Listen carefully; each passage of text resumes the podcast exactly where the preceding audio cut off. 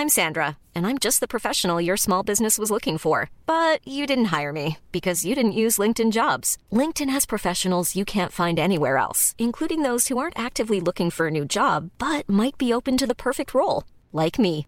In a given month, over 70% of LinkedIn users don't visit other leading job sites. So if you're not looking on LinkedIn, you'll miss out on great candidates like Sandra. Start hiring professionals like a professional. Post your free job on linkedin.com/people today.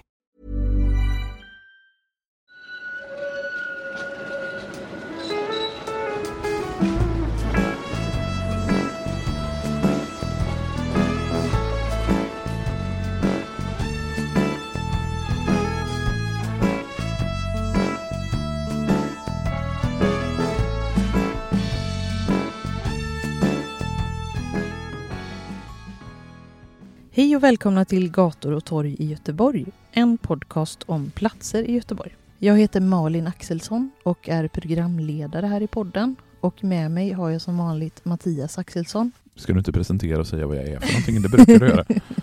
Göteborgskännare. Och någon typ av eh, expert i den här podden. Den som kommer att prata mest. Eh, Och det som är ju ni som är regelbundna lyssnare vana vid vid det här laget. Att jag är en sån som babblar på ganska ordentligt eh, när jag väl får möjligheten. Precis även i mitt intro här. Förlåt. Men eh, podcasten finns ju på eh, platser där poddar finns och heter Gator och torg i Göteborg. Där kan man bli Patreon och stötta podden Mm. med en liten summa i månaden. Yes. Ehm, idag så befinner vi oss på Väderlekstorget Mm. i Biskopsgården. Ja, och det är ju lite speciellt att vi hamnade här. För egentligen var ju tanken att det i söndags skulle ha kommit ut ett liveavsnitt ifrån Vårväderstorget. För jag och Gustav, egentligen skulle det varit du och jag, men du blev ju sjuk. Så jag fick ju ta in min kamrat Gustav eh, som programledare. Men det var för mycket rundgång tyvärr i den inspelningen så den gick inte riktigt att publicera. Så då tvingade jag ut dig här i decembermörkret. Snömodden som är nu. Och, På väg att bli plusgrader i Göteborg och det är ett snötäcke som sakta smälter. som sakta försvinner bort från, från ytan. Men alltså Väderlekstorget. När jag flyttade hemifrån precis efter gymnasiet så fick jag min första lägenhet här på um, Köldgatan som Mm. är precis bakom Väderlekstorget. Så det är ju en speciell plats för mig. Och det är Mm. bara några hundra meter från där morsan fortfarande bor kvar. Mm. Så att ja, det är ju de så kallade bananhusen som ligger här uppe som är eh, som eh, långa, långa, långa bananer. Mm. Eh, vita trevåningshus. Ehm, och torget ligger liksom i mitten av en sån här banan, Mm. en halvcirkel. Och det är fortfarande samma livs här, närlivs, Vina livs. Och så har det blivit en pizzeria. Mm. Eh, och så ser jag också att de har byggt om bottenvåningen på hel, längs hela den här halvmånen Mm. av hyreshuset bakom torget. För det var också en del av torget då, för 20 år sedan. Mm. Eh, det var en, en frisör och en em, sportbutik bland annat. Säkert någon hudvårdssalong. Mm. Någon typ av fotvård kan jag tänka mig att det fanns. Eh, Det fanns det säkert. Men, men det var inga bostäder som det ser ut att vara nu. Mm. Med små uteplatser. Nej, men det, jag tycker att Väderlekstorget väldigt, lik, väldigt mycket liknar den här typen av mindre torg som det finns en hel del av i stan. Jag tror inte att vi riktigt har gjort någon podd om ett så här litet torg tidigare. Alltså, det går inte att jämföra en, liksom överhuvudtaget med Vårväderstorget som vi passerade på vägen dit. För där finns det ju en stor affär, det finns ett bibliotek, det finns ett gym, det finns eh, flera olika affärer på Vårväderstorget. Vi kan ju kalla det för minitorg. Mm. En livsbutik och möjlighet att posta grejer och så någon pizzeria finns Ja, jag skulle väl Det är jämföra inget det. mer kvar här. Nej. Ja, jo, det var faktiskt en hud, eh, hudvårdssalong. Ja, nej, men jag skulle kunna jämföra det med typ Fyrktorget uppe på Högsbo höjd där vi har bott tidigare. Eh, för där är det Det, är nog ännu mindre. Fyrktorget. Ja. Ja, jo men jämförelsen menar jag är den att det tidigare låg mycket fler verksamheter i anslutning till Fyrktorget. Men att de successivt har försvunnit. Det låg en pizzeria där tidigare, det låg en frisör där i lokalen. Det fanns ju längs med växeln. Nu, nu är det inte Fyrkstorget vi ska prata om så vi kan ju släppa den bollen. Men bara för att sätta Väderlekstorget i någon typ av sammanhang så är det just ett sånt där litet minitorg. Och hit kommer man inte om man inte bor här för att det är ju en, en bra bit från hållplatsen och eh, en bra bit att åka upp med bil också. Mm. Och om vi ska placera oss bara lite grann i geografin. Vi har ju redan sagt att vi är i Biskopsgården. Men det, hur tar man sig hit? Antingen så går man av vid Mildvädersgatan och så går man längs många, många trappor upp Mm. i olika etapper. Eller så kommer man ner från en backe från Friskväderstorget som är nästa hållplats. Mm. Eller så går man upp för ett antal backar från Vårväderstorget för att ta sig upp här. Det är ju liksom uppe på höjden här. Mm. Och bara återigen kort. Vårväderstorget sa du, Friskväderstorget, Väderlekstorget. Hur, hur är de torgen i förhållande till varandra? Men det är ju två stora torg och så Väderlekstorget emellan de två. Som ett mini-mini-torg. Ja, Mm. Ryan Reynolds here from Mint Mobile. With the price of just about everything going up during inflation, we thought we'd bring our prices down. So to help us, we brought in a reverse auctioneer, which is apparently a thing. Mint Mobile unlimited premium wireless. Ready to get 30, 30, bit to get 30, bit to get 20, 20, 20, bit to get 20, 20, bit to get 15, 15, 15, 15 just 15 bucks a month. So, Give it a try at mintmobile.com slash switch. $45 upfront for three months plus taxes and fees. Promo rate for new customers for limited time. Unlimited more than 40 gigabytes per month. Slows. Full terms at mintmobile.com. Hiring for your small business? If you're not looking for professionals on LinkedIn, you're looking in the wrong place. That's like looking for your car keys in a fish tank. LinkedIn helps you hire professionals you can't find anywhere else, even those who aren't actively searching for a new job but might be open to the perfect role. In a given month, over 70% of LinkedIn users don't even visit other leading job sites. So start looking in the right place. With LinkedIn, you can hire professionals like a professional. Post your free job on linkedin.com/people slash people today. Ja. Kommer du lägga upp lite bilder på, eh, på Instagram också? Ja, jag kommer gå runt och fota lite här innan vi åker härifrån. Det finns ju bland annat en jättefin staty på torget som jag ska fotografera. Och sen så ska jag också ta lite bilder i övrigt runt omkring torget så att ni får se Väderlekstorget i någon typ av vinterskrud innan snön smälter bort. Och givetvis så kommer jag lägga upp en hel del historiska bilder från Väderlekstorget och även Biskopsgården i allmänhet. För eh, vi kommer ju ta oss ganska långt tillbaka i tiden. Och det lägger du upp på det gamla Göteborg. Och, Ja, det, gator och torg i Göteborg lägger jag upp just de bilderna på. Sen kommer jag ju också att lägga upp bilder på det gamla Göteborg. Mm. Eh, som är de två Instagram-konton som vi använder. Du har sagt det med, med Patreon va? Ja, Bra, då behöver vi inte påminna folk om det. Låt oss hoppa. Det gör vi verkligen för då ska vi gå lång tid tillbaka i historien som vi brukar till Mm. istid och forntid. Ja, Det här är ju ändå en historisk podcast så vad kan detta ha varit för ett område så pass långt bak i tiden? alltså vi har ju pratat om hissingen och hissingens liksom, ursprungshistoria i flera poddar. Och vi har ju konstaterat tidigare just det här att Hisingen var ju från början en skärgård när isen, alltså inlandsisen drar sig bort för då var ju havsvattennivåerna betydligt högre. Och sen successivt så smälter, eller så sjunker ju eh, nivåerna, vilket gör att Hisingen växer fram som en självständig ö. Men tittar man på det som idag är Biskopsgården så är ju en stor del av Biskopsgården eh, ett stort naturområde. Och går vi tillbaka historiskt och tittar runt här i området så kan vi ju hitta spår från samtliga perioder av forntiden. Det finns bland annat en hällkista från stenåldern vid Sommarvädersgatan. Vi har vi på Stora Vätte en bronsåldersgrav. Det finns fornborgar från folkvandringstiden på väster om Svarte mosse. Det finns en bronsgjutareform från bronsåldern vid eh, värmecentralen vid Sommarvärdesgatan.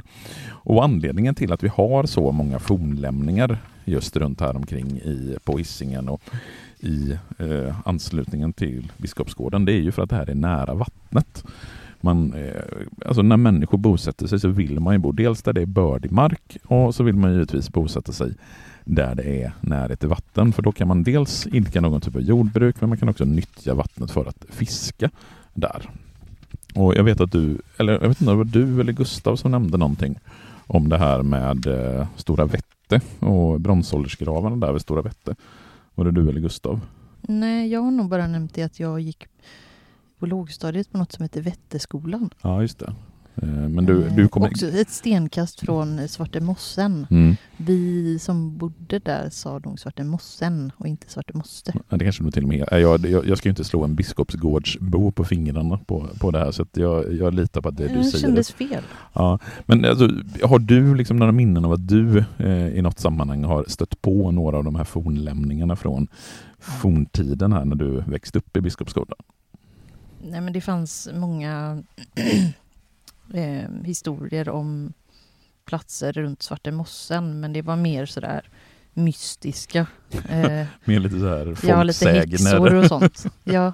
Ja, det, det, är nog någon, det är någonting annat skulle jag säga. Sen så har jag nog inte, alltså som barn så tänkte jag nog inte på Nej. någonting sånt. Nej, Jag kan inte, inte komma på något i alla fall. nej, det är väl inte det man är mest intresserad av när man är i, i den åldern. Utan det är väl någonting som kommer senare, just intresse för forntid och liknande. Men vad var det med den bronsålders...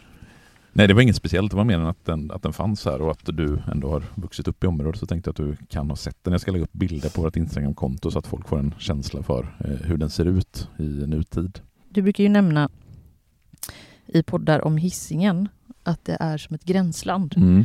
Hur såg det egentligen ut här i Biskopsgården?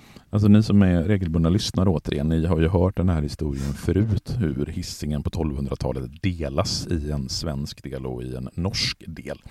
Där Lundby och Tuve socknar blir en del av det svenska hissingen och de övriga fem socknarna blir en del av det norska hissingen. Och för Biskopsgårdens del så var ju det här då en gränstrakt i och med att den västra gränsen för Lundby socken gick just där Biskopsgården ligger idag. Och det här bronsåldersröset vid Stora Vätte det var ett av de gränsmärkena som man använde sig för att sätta ut var den här gränsen låg. För det man gjorde under medeltiden, man skulle dra gränser mellan länder och mellan socknar, eftersom man ju inte hade några flygfoton eller liknande på den tiden, det var att man gjorde gränsmärken. Alltså man gjorde olika rösen eller man kunde bygga olika stengärdsgårdar eller, eller liknande för att göra just gränsmärken och dra de här gränserna mellan de olika socknarna och i det här fallet också mellan olika länder i fallet Sverige och Norge. Och Biskopsgården är då en gård som ligger i Lundby by, Lundby kyrkby. Och Lundby kyrkby är vidare en del av Lundby socken. Och förutom då de delarna av eh, västra nuvarande Biskopsgården, alltså de bergen som ligger upp till, eh, till väster om Biskopsgården, det tillhörde Björlanda och Torslanda socknar. Och sen är det här då gränsland ända fram till freden i Roskilde 1658. För det är ju då som hela hissingen i och med att hela Bohuslän blir svenskt, så blir ju hela hissingen svenskt och då är inte Biskopsgården längre eh, en del av gränsen mellan Sverige och Norge. Kanske låter som en dum fråga, men har det bott någon biskop i Biskopsgården? Ja, det är väl inte alls en dum fråga. Det är väl eh, snarare en högst relevant fråga i sammanhanget. Eh, namnet Biskopsgården det kommer ju sig av att det var en gård här som hette Biskopsgården. Och man tror att gården var någon typ av biskopsgods, det vill säga att biskopen bodde här när han var på besök i den här trakten. Och namnet Biskopsgården på en gård här i Lundby socken, det har vi belagt sedan 1600-talets början. Och sen fanns det ju andra gårdar i trakten som vi fortfarande har kvar i namn. Vi har ju Brämaregården, vi har Länsmansgården och vi har ytterligare ett antal gårdar, Sannegården till exempel. Och sen så Biskopsgården, alltså själva gårdsbyggnaden, den brändes ner under skånska kriget i slutet på 1600-talet när Karl XI eh, krigade mot Danmark och danskarna var och härjade här uppe. Vet man var den låg ungefär? Nej, det är det som är problemet, att vi vet inte exakt var den låg. Det finns ju en del kartor kvar, men de kartorna är ofta ganska inexakta. Vi kan inte veta liksom med säkerhet. Och problemet är också att det finns ingenting kvar av, de, eh, av den gamla gårdsbyggnaden, så vi kan inte veta med säkerhet var Biskopsgården låg. Mm, vad hände senare med Biskopsgården på 1700 och 1800-talet? Alltså det som är de stora förändringarna i Sverige och på Hisingen under 1700-1800-talet det är ju att vi får ett antal skiftesreformer. Och de här skiftesreformerna, enskifte, storskifte och lagarskifte, det innebär ju att man slår samman de gamla utspridda tegarna till mer sammanhållen åkermark. Och den här, de här skiftesreformerna med storskifte och laga skifte i synnerhet, det fick ju som konsekvens att byarna splittrades och gårdarna hamnade på som ensamgårdar utspridda. För det man var tvungen att göra det var ju att man var tvungen att lägga gårdarna i anslutning till den åkermark som man hade fått sammanhållen.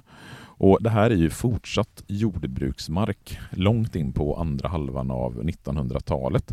Sen har vi ju ett antal sillperioder som du brukar gilla. Att jag, nu satte vi, var tvungna att sätta på bilen här igen för att få ljus. Lite för kallt också. Jag ska stänga av radion. Så.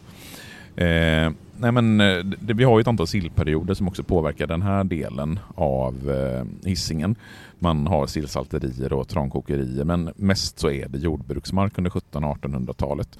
Och en liten rolig detalj det är ju att Länsmansgården 1846 köptes av Göteborgs stad för att man skulle göra ett räddningsinstitut för unga män med problem kanske hade kunnat behövas här i Biskopsgården även i, i nutid. Men det här har beskrivits som ett citat helvete för Göteborgspojkar. Slutcitat. Så Länsmansgården användes då under andra halvan av 1800-talet som någon typ av eh, uppfostringsanstalt nästan. Det var ju spännande. Mm, det är lite bisarrt att tänka sig. Mm. Men sen kommer industrierna också till hissingen. Ja, det blir ju den stora förändringen under andra halvan av 1800-talet. För Sverige har ju börjat industrialiseras redan under nästan i slutet på 1700-talet så har vi fått de första alltså protoindustrierna och mekaniska verkstäderna. Men sen under andra halvan av 1800-talet och vid sekelskiftet till 1900 så får vi dels en varvsindustri som växer fram på den norra älvstranden och vi får lite olika typer av mekaniska verkstäder som också sätter sin prägel på hissingen 1874 så invigs den första bron från fastlandet till hissingen i form av den gamla Hisingsbron eller Kvillebron. Och Det här leder ju fram till att 1906 så införlivas Lundby landskommun som det nu har blivit med Göteborgs kommun. Så Lundby kommun slutar att existera som en egen kommun. Och Anledningen till att man gör det här det var för att Göteborgs stad på andra sidan älven såg att det växte fram en konkurrerande industristad i Lundby. För Det var ju där som all varvsindustri växte fram. Det var där mycket av de mekaniska verkstäderna förlades. Så därför så fattade man ett beslut på riksnivå att Lundby då skulle införlivas med Göteborg 1906. Sen får vi också i närheten av Biskopsgården den första Volvofabriken på 1920-talet. Och Volvo har ju utvecklats ur SKF, alltså Svensk kullagerfabrik, som i sin tur utvecklades ur Gamlestans fabriker som vi pratade ganska mycket om i avsnittet om Gamlestadstorget. Så det är den stora förändringen som sker under eh, andra halvan av 1800-talet och in på 1900-talet. Det är att det växer fram industrier här på eh, Hisingen och framförallt de södra delarna av Hisingen. Och all den industrin måste ju ha krävt en eh, massa bostäder. Ja, alltså i Göteborg under slutet på 1800 och 1900-talet så var det ju extremt trångbott. Och de bostäder som fanns för den arbetande befolkningen var ju av oerhört låg standard. Vi har ju skräckexempel från de olika arbetarstadsdelarna hur låg standard det var och hur trångt man bodde. Så man behövde ju bygga nya bostäder och just här i eh, Lundbys västra delar så tog man fram en generalplan 1937 som jag ska lägga upp bilder på på vårt Instagramkonto. För där kan man väldigt tydligt se att det längs med Norra Älvstranden, alltså längs med vattnet eh, var reserverat jättemycket plats för hamnarna och för varven. Och sen norr därom så reserverar man plats för bostadsområden. Och under 1940-talet så bygger man bland annat egna hemsvillorna i Jättesten och i Lundby. Och det här området som idag kallas för Biskopsgården, det går tills vidare under namnet Västra Lundby. Så det ska dröja ytterligare några årtionden innan det här området får namnet Biskopsgården. Eh, och sen så efter andra världskriget så växer det Biskopsgården som vi känner till fram. Ja, för det är då man eh, börjar med de här grannskapsenheterna. Det vill säga man försöker bygga bostadsområden där tanken är att det ska vara en gemenskap mellan de som har flyttat in i de nybyggda områden. Man försöker placera husen mjukt i naturen. Det ska finnas vackra uterum. Man ska liksom nyttja skogen och naturen där man bygger de här nya områdena. Man ska bygga lekplatser mellan husen. Det ska vara områden som byggs för människor där människor ska kunna röra sig. Där man också vill vara. Ja, det ska inte vara bara liksom eh, stenöken utan det ska verkligen vara eh, naturskönt och det ska ligga i anslutning till naturen. Och det kan man ju göra för de områden som växer fram i Göteborg efter andra världskriget det är områden som byggs i tidigare helt obebyggda områden, alltså på gammal jordbruksmark eller i skogsområden. Och där var ju också grundtanken att det ska finnas ett torg i varje stadsdel. Det ska finnas ett torg med butiker, med post, med bank, med tandläkare, läkare. Det ska finnas, finnas någon typ av Folkets hus. Och det första, vad jag vet, torget som byggs på det här sättet är ju Guldhedstorget som vi pratade ganska mycket om i avsnittet om Wawrinskis plats. Och därefter så kommer Kortedala och de torgen som finns i Kortedala och växer fram. Sen har vi även Radiotorget i Järnbrott i Frölunda. Och det som då fortfarande kallas för Västra Lundby på 1950-talet och det som då ska bli Biskopsgården. Det börjar man då planera när vi kommer in på just 1950-talet. Hur byggs Södra Biskopsgården? Då? Ja, den som planerar och ritar upp planerna för Södra Biskopsgården det är Göteborgs stadsplanechef Tage William Olsson. Och på samma sätt som när man bygger till exempel Kortedala eller eh, Järnbrott så tar man här stor hänsyn till terrängen. Det man bygger ska följa naturen. Man ska inte spränga bort en massa berg för att det ska göras plats för bostäder så som man sedan gör i till exempel Gårdsten på 1970-talet. Och i motsats till Kortedala så bygger man i Södra Biskopsgården hus med ganska stora lägenheter.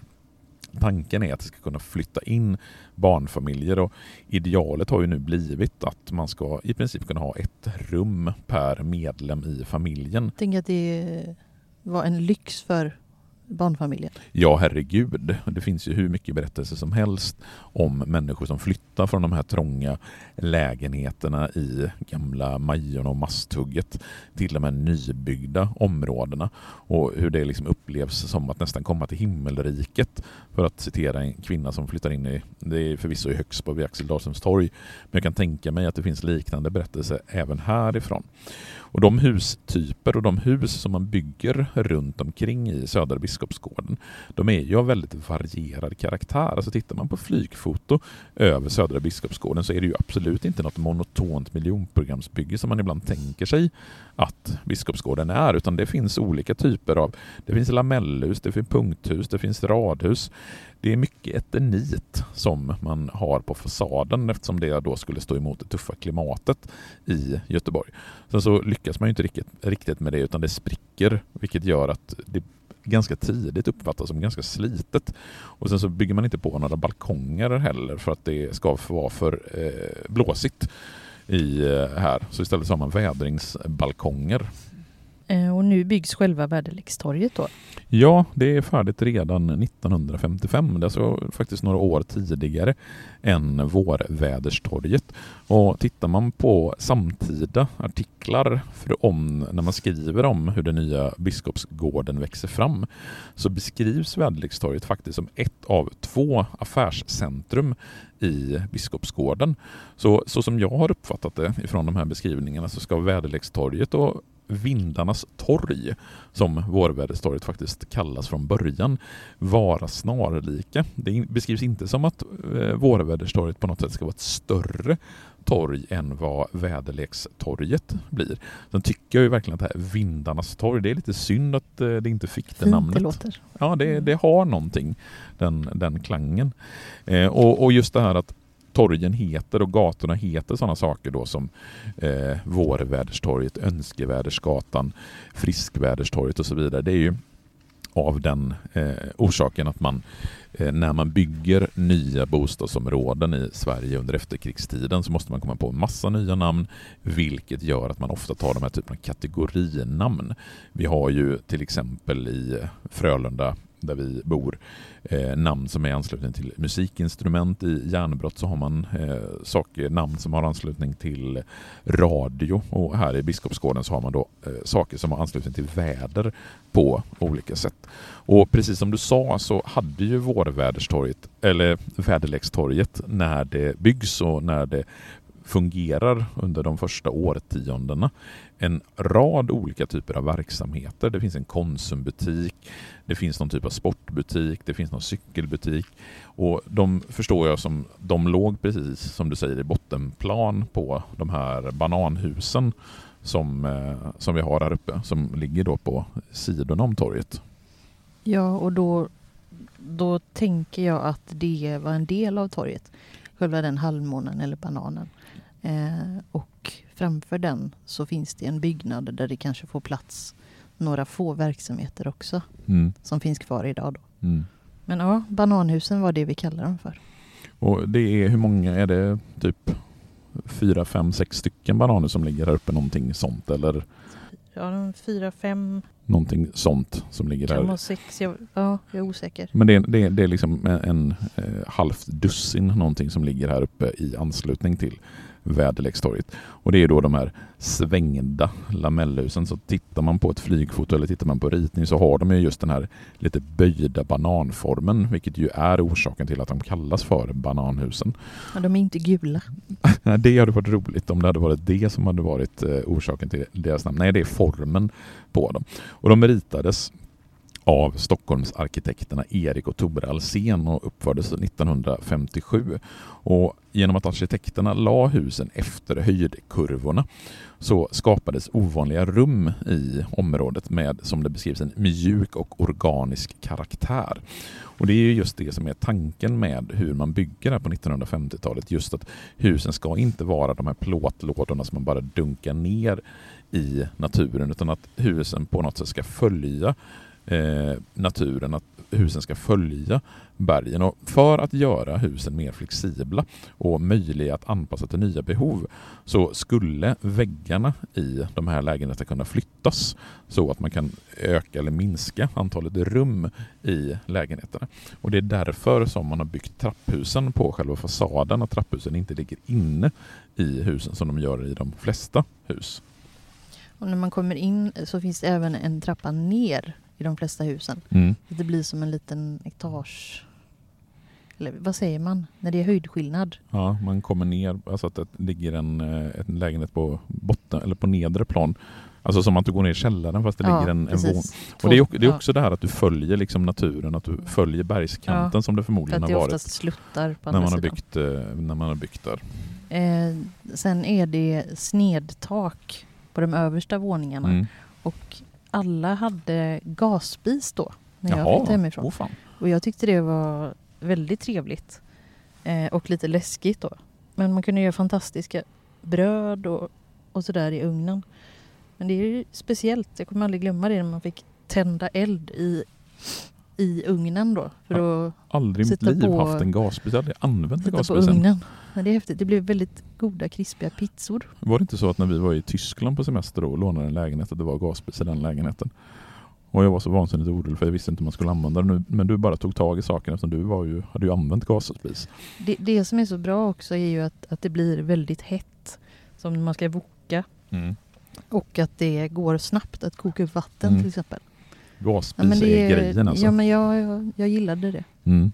Ja, vad hände sen med Biskopsgården och Väderlekstorget under an- andra halvan av 1900-talet då?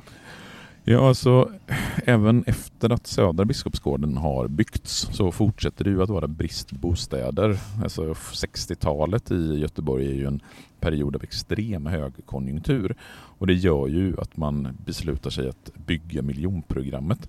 Så mycket av det som byggs sen i norra Biskopsgården och ännu längre norrut i Länsmansgården, det har ju mer av den här storskaliga monotona karaktären, alltså mer av miljonprogramsbebyggelse som Södra Biskopsgården då inte är. Däremot så när vi kommer upp i Länsmansgården då har vi miljonprogramsbebyggelse. Och redan tidigt så är det en ganska stor invandring till Biskopsgården. Alltså människor som flyttar från andra länder till Sverige och till Göteborg bosätter sig i Biskopsgården. Och det beror ju bland annat på att det är cykelavstånd till Volvofabrikerna härifrån. Sen så kommer ju 1970-talet med sina olika kriser. Vi har oljekrisen, vi har varvskrisen som väldigt hårt drabbar Göteborg eftersom de varv varven som har inneburit så mycket arbetstillfällen, de läggs ju ner ett efter ett. Vilket ju gör att vi har rätt mycket tomma lägenheter i Biskopsgården under andra halvan av 70-talet och en bit in på 80-talet. Dessutom så lämnar många resursstarka hushåll Biskopsgården vilket gör att från 70-talets andra hälft och framåt så får Biskopsgården en ganska negativ stämpel. Och det finns faktiskt planer på att riva delar av Biskopsgården för att lägenheterna står tomma och standarden är så pass låg. Alltså lyfter ju befolknings, alltså man får ett lyft befolkningsmässigt under 1990-talet eftersom vi får en ganska tydlig flyktinginvandring till Sverige. Då behövs det lägenheter och många av dem bosätter sig då i Biskopsgården. Sen så har ju Väderlekstorget eh, liksom haft en tynande, fört en tynande tillvaro under slutet av 90-talet och in på 00-talet. Det är ju, alltså det här är ju ett torg som ja, men tyvärr får man väl säga, det finns ingen egentlig framtid för ett sånt här torg. Visst, det finns ett, ett litet livs som väl bara de närmast sörjande går till. Går till. Och sen så har vi den här pizzerian som har mycket blandade recensioner från folk som jag känner som har ätit här. Jag vet att någon som har sagt att det är en av de bättre pizzerierna i Göteborg och någon som säger att det är helt oätlig pizza. Jag har inte testat pizzan själv. Eh, jag vet inte om du testade den när du bodde här, om det ens fanns en pizzeria då? Det fanns en pizzeria men den låg rakt fram här, där det nu är lägenheter. Alltså till, vänster, liten, till vänster om Väderlekstorget där det, vi står? Det låg inte mitt på torget. Nej, okay. Undrar om det finns en pizzaugn kvar i den lägenheten? Det hade varit roligt. Tveksamt va? Ja, jag tror inte det. Det finns ju en speciell staty på torget. Vad mm. kan du säga om den? Ja, alltså jag vill ju ändå nämna den eh, eftersom den är ju ganska speciell och jag har ett jättefint fotografi eh, på den här statyn från vad det måste vara sent 1950, möjligtvis 1960, tidigt 1960-tal. Där man också kan se Konsumloggan i bakgrunden, att man ser att det var en Konsumbutik som låg här. Och den statyn den heter Världsomsegling och är skulpterad av Elma Ojen, Ojens med stor reservation för mitt uttal av eh, namnet där. Och det är en bronsstaty som föreställer tre lekande barn. Och det är en ganska läskig historia som ligger bakom den här statyn. För 1957 så var det tre barn som drunknade när de lekte på en flotte i det som då var sankmarksområdet Svartemosse. Och så småningom, bland annat på grund av den här olyckan, så beslutade man att gräva ut området och därmed skapa det som idag är Hisingens största sjö. Och sen så gjordes den här statyn och eh, placerades på Väderlekstorget i, alldeles i anslutning till detta. Det låter helt bisarrt mm. att man skulle göra en staty av tre som drunknat i Svarte Mossan. Ja, men det är för att minnas de här barnen ja. och den här historien. Jo. Jag tycker det är ganska fint ändå. Det är en ganska vacker staty får man mm. ändå säga. Jag ska lägga upp bilder, dels gamla bilder på den men också nutida bilder på den här statyn. Jag hade ingen aning om att någon hade drunknat i min barndoms fågelsjö som man mm åkte skridskor på, på vintern. Mm. Då, var, då var det ju när de här barnen drunknade så var det fortfarande ett sankmarksområde. Det var ju inte riktigt en sjö ännu. Utan det är senare som man, eh, vad man nu gör. Om man dikar ut den för att det ska bli en sjö. Det är verkligen inte mitt eh, område. Det har aldrig varit en badsjö i alla fall. Nej, är, man ska inte åka upp dit och ta sig ett litet dopp. Men det ville jag testa ändå som barn och då hade jag ju blivit varnad för blodiglar och det mm. var mycket det var sånt alltså? Så. Ja, det kan jag tänka mig. Att jag fick blodiglar Ja, det kan jag verkligen tänka mig. eh, nutid och framtid har vi kommit till då. Mm. Eh, har det här torget någon framtid? Ja, vad tror du själv? Finns det någon framtid för ett sånt här litet torg? Nej. Det var det, det enkla svaret på, på den frågan. Nej, men, men det, alltså, så, så, länge folk käkar pizza och stöttar servicebutiken så tänker, finns man, det ju man säkert kvar. Man går ner hit och köper ett paket cigg, man köper ett paket mjölk. Man... Sexpack med öl eller en Bregott. Ja, det är liksom de här små sakerna som man behöver. Eh, sen så har ju det hänt en del eh, norr om det här, alltså norr om Väderlekstorget och norr om eh, Bananhusen och Köldgatan. För när vi var här och åkte runt för någon vecka sedan så konstaterade du att det hade vuxit fram ett helt nytt område som du inte kände till. Som du bara nästan eh, höjde på ögonbrynen. Vad, vad är det här vad för är någonting? det här? Ja, det kändes overkligt. Ja. Men jag har ju inte eh, spatserat omkring här på många år. Det finns ingen anledning. Eh, Det var ju bara en park, Mm. en skog, något man gick förbi.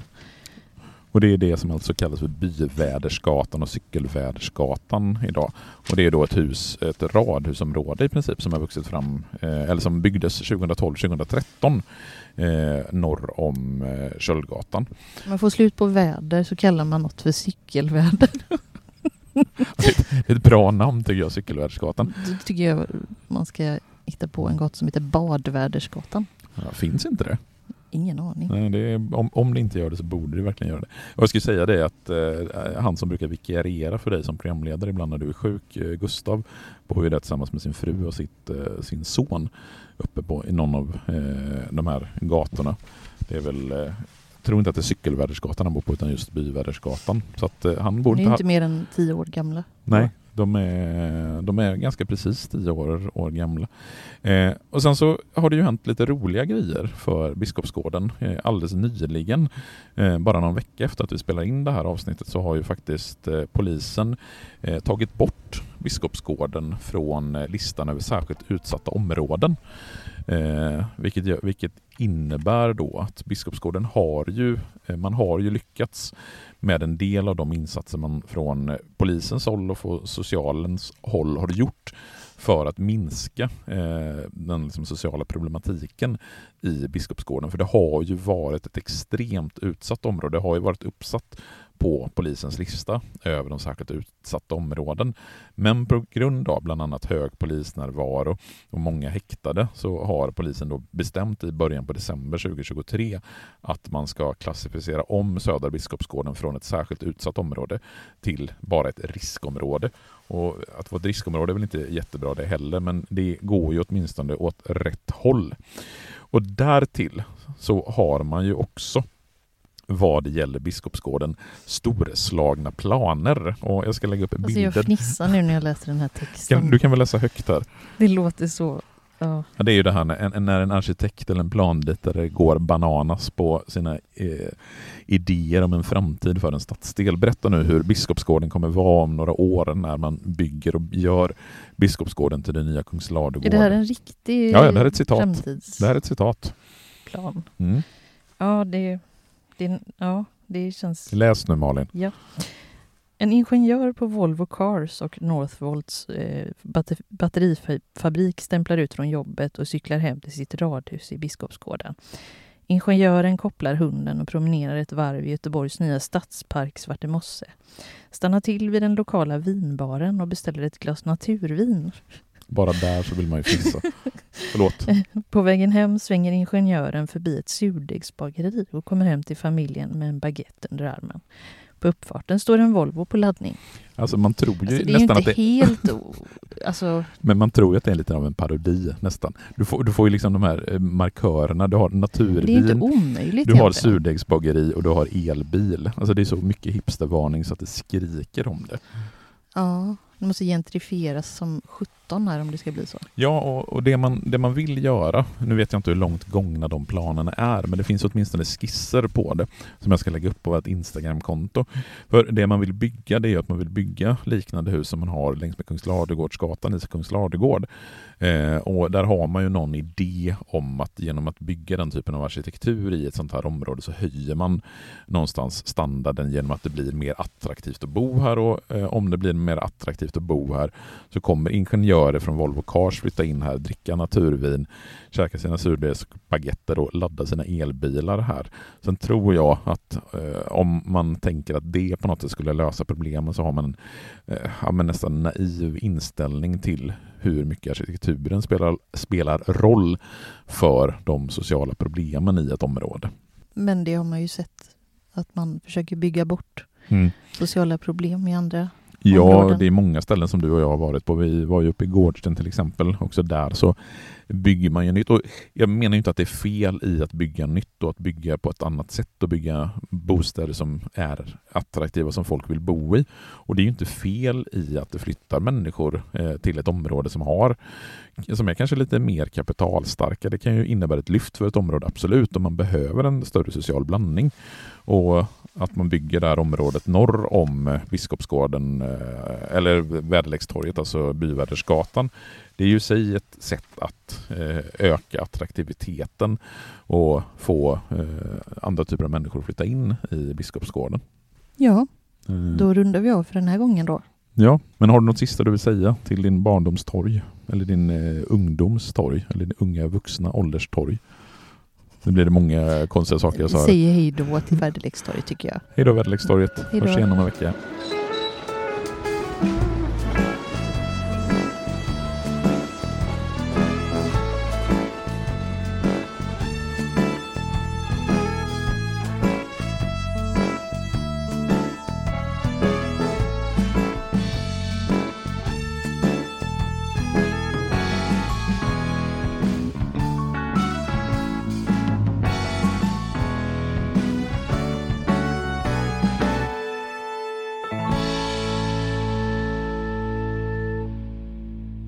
Torg i Göteborg produceras av Reostat Media AB.